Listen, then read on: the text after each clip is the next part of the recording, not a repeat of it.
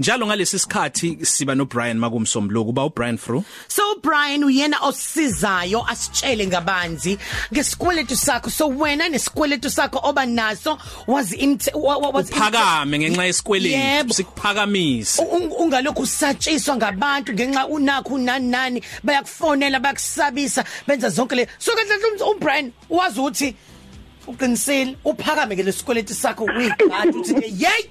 Eh. hi Brian. Hello Selby. kunjani Ngikhona yini iphatha udaba olubalekile namhlanje inkonzo yokuphaka. yey ke ngizothi where's your homework? Ithi homework yakho. so sisikhuluma ngani namhlanje Namhlanje ke sikhuluma ngohlobo oluthile lwahl- olwahlukile lesikweletu esilibiza nge nge- consolidation. mm olukhuluma ngokuhlanganisa zonke izikweletu kodwa ke ngaphambi kokuthi ngingene ake ngixwayise ngalokho ngiyanxusa kumlaleli ukuthi singajwayele ukuthi sikwenze isikompilo ukuphila ngesikweletu ngoba baningi onokhaka abafihliwe esikweletini. Futhi masithi live within your means phila ezingeni lakho. Ungabusubheka iholo lakho kuphela ziningi izinto okumele uyiqaphele njenge term ye employment yakho nesikhathi oqashwe sona. Ukwazi ukuthi uqashwe nje iminyaka emibili usuyofuna ibond mhlambe ezokuthatha 20 years kufanele ubhekisise inzuzo ukuthi ingene eindaweni ezingafani. Kodwa kuyasingene ke namhlanje ke siqwashise umlaleli bengizofisa ukuthi aphathe ipeni ngoba kubaleke kakhulu lokho engizokusho njengamanje. I-consolidation loan lokusikubiza ngokuhlanganisa zonke izikweletu kucishe kufane ncamashi nohlelo lokubuyekezwa kwezikweletu i-debt review. Kodwa mawubhekisisa sengathi amabhenki abona ukuthi yini thina singayenza ukuthi silwisane nohlelo lwe-debt review noma ukubuyekezwa kwesikweletu kwase kuqhamuka ke i-consolidation loan. Kodwa mawuzoyibhekisisa kahle iwuhlobo oluhlukile ngoba lezi kweletu lezi sizibiza ngama secured debt esibiza nge long term debt ezivikelekile zesikhathi eside. Le loan ayikwazi ukuthi isebenze kuzona. Yiloan esebenza kwizikweletu ezifishane lezi sizibiza ngama short term debt. Uzoyifunda kahle ku section 130 kuya ku section 125 ake ngicacise lokhu ke basakazi bami. Kunento efuneka siyiqaphele masiyofuna isikweletu. Ubheka ukuthi isikweletu si- si- si- sikuliphi uhla yi long term noma short term. Kunokuchaka omkhulu ugibe lokuthatha isikweletu kwafanele sibe yi short term sesikhathi esifishane usijike wena usenze i long term.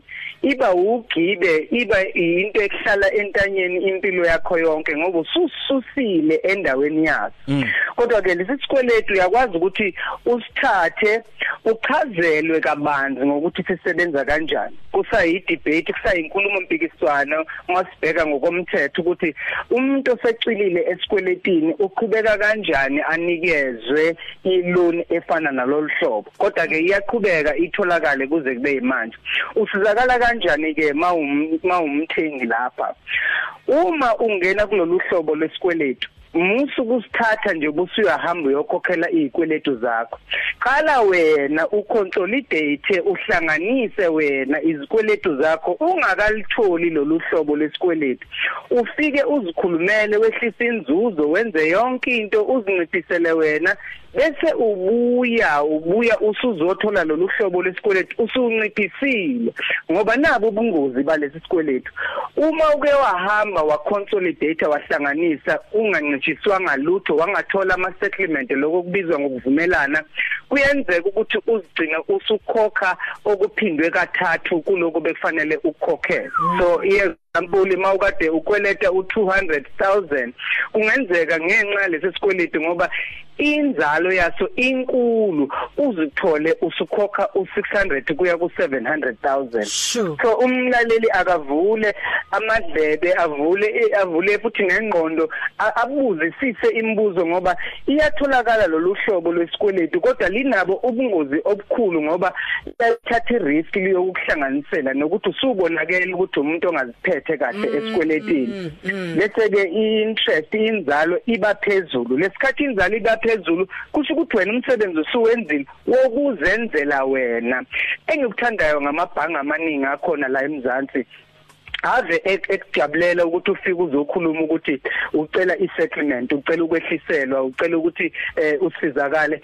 Make wazithola lezo zivumelwano yima uyofuna ke manje lolu hlobo lesikweletu esilibiza ngeconsolidation loan. Kodwa ke khumbula mlaleli angikukhuthazi bakwethu ukuphila nokwenza usikompilo isikweletu. Hmm. so Brian um ungathini ke so yona ngoba ngiyakhumbula ukuthi makhona kuyi debt review um igama lakho mangabe ungene kuliyona um igama lakho licisha ukuthi libe lingabi lihle kahle ngoba izinto eziningi uyaphuma kuzona ububi ne check card nokunye nani nani nani so kodwa kwi consolidation yona azikho yini izinto ezihamba ngazo? Mhlawumbe lezi ezicashile abangakutsheli ke ngazo okay um one njobe ushilo ukuthi isikweletu sona esiyanyuka kodwa igama i mean imali yanyuka ungagcina usukhokhe 3 times more. Um mhlawumbe khona lapha ka NCR um akukho la kubhalwe khona kuthiwa hayi awukwazi ukungena la ngoba une consolidation loan? Umehluko nje omkhulu ake siqale la. I-consolidation loan ayikwazi awukwazi ukuhlanganisa isikweletu semoto isikweletu somuzi. Siqale lapho. Oh. uma udlula kwi-consolidation loan iyona ayikwazi ukukulista kwi-bureau ukuthi eh ungabusathinte khumbula phela uma kulolu hlelo silubiza ngokubuyekezwa kwesikweletu i-debt review. Ngokuphazima kweso igama lakho lifakwa kuloko esikubiza ngedebt help kwi-NCR bese istatus sakho kwi-credit bureau siyabhala ukuthi ningabe nisasondele eduze kwaSelp use rehab njengamanje. Ingakho uthola ukuthi umuntu uthuthi phapha athuthi uyofuna isikweletu bese beyam beyam decline noma bamenqabe. Ingoba sekuvelile lapho ukuthi cha eh, lo muntu usa kwi-ICU njengamanje. Kodwa mawuki consolidation ingakho sithi inkulumo mpikiswano isaqhubeka ngoba kusuke sekuvelile ukuthi kungathi uyacila ezikweletini kodwa ngenxa yokuthi ke amabhanga athi mayebuka i-bank statement abona ukuthi ayisisangamnika isikweletu sokuthi azihlanganise zonke. Khumbula ngiphinde ngicacise wena mthengi kufanele wenze umsebenzi wokunciphisa inzalo ukunegotiate okuxoxisana namabhange mm. bese kuyima ubuyela ekufuneni i-consolidation loan. Lokho sikubiza ngokuhlanganiswa kwesikweletu. Brian hlezi kuyintokozo hlezi kumnandi ukukhuluma nawe. Sikuthola kanjani? Sicela usho inamba yakho uyisho kancane manje. Siyatholana enambeni ka WhatsApp eh ithi 083 623 1391 iphinde. 083 623 1391 ngikhona ukuphendula nanoma imuphi umbuzo wesikweletu. Perfume eyodwa nje so sokuhlukile nezikweletu perfume eyodwa e right kule season. Eh o mama iperfume nje emnandi ile bizwe ngo flowers of the garden icreed. Hawu ngeke aphinda kukhohle lo mama. Kwabesilisa? Kwabesilisa eh hey wayithinta indaba eyodwa. mhlambe singathi kule season yamanje iamwaji i beach hut bye sauce yes. Siyabonga baba. Coffee Cafe. Ilunch yakho ayifani neyizolo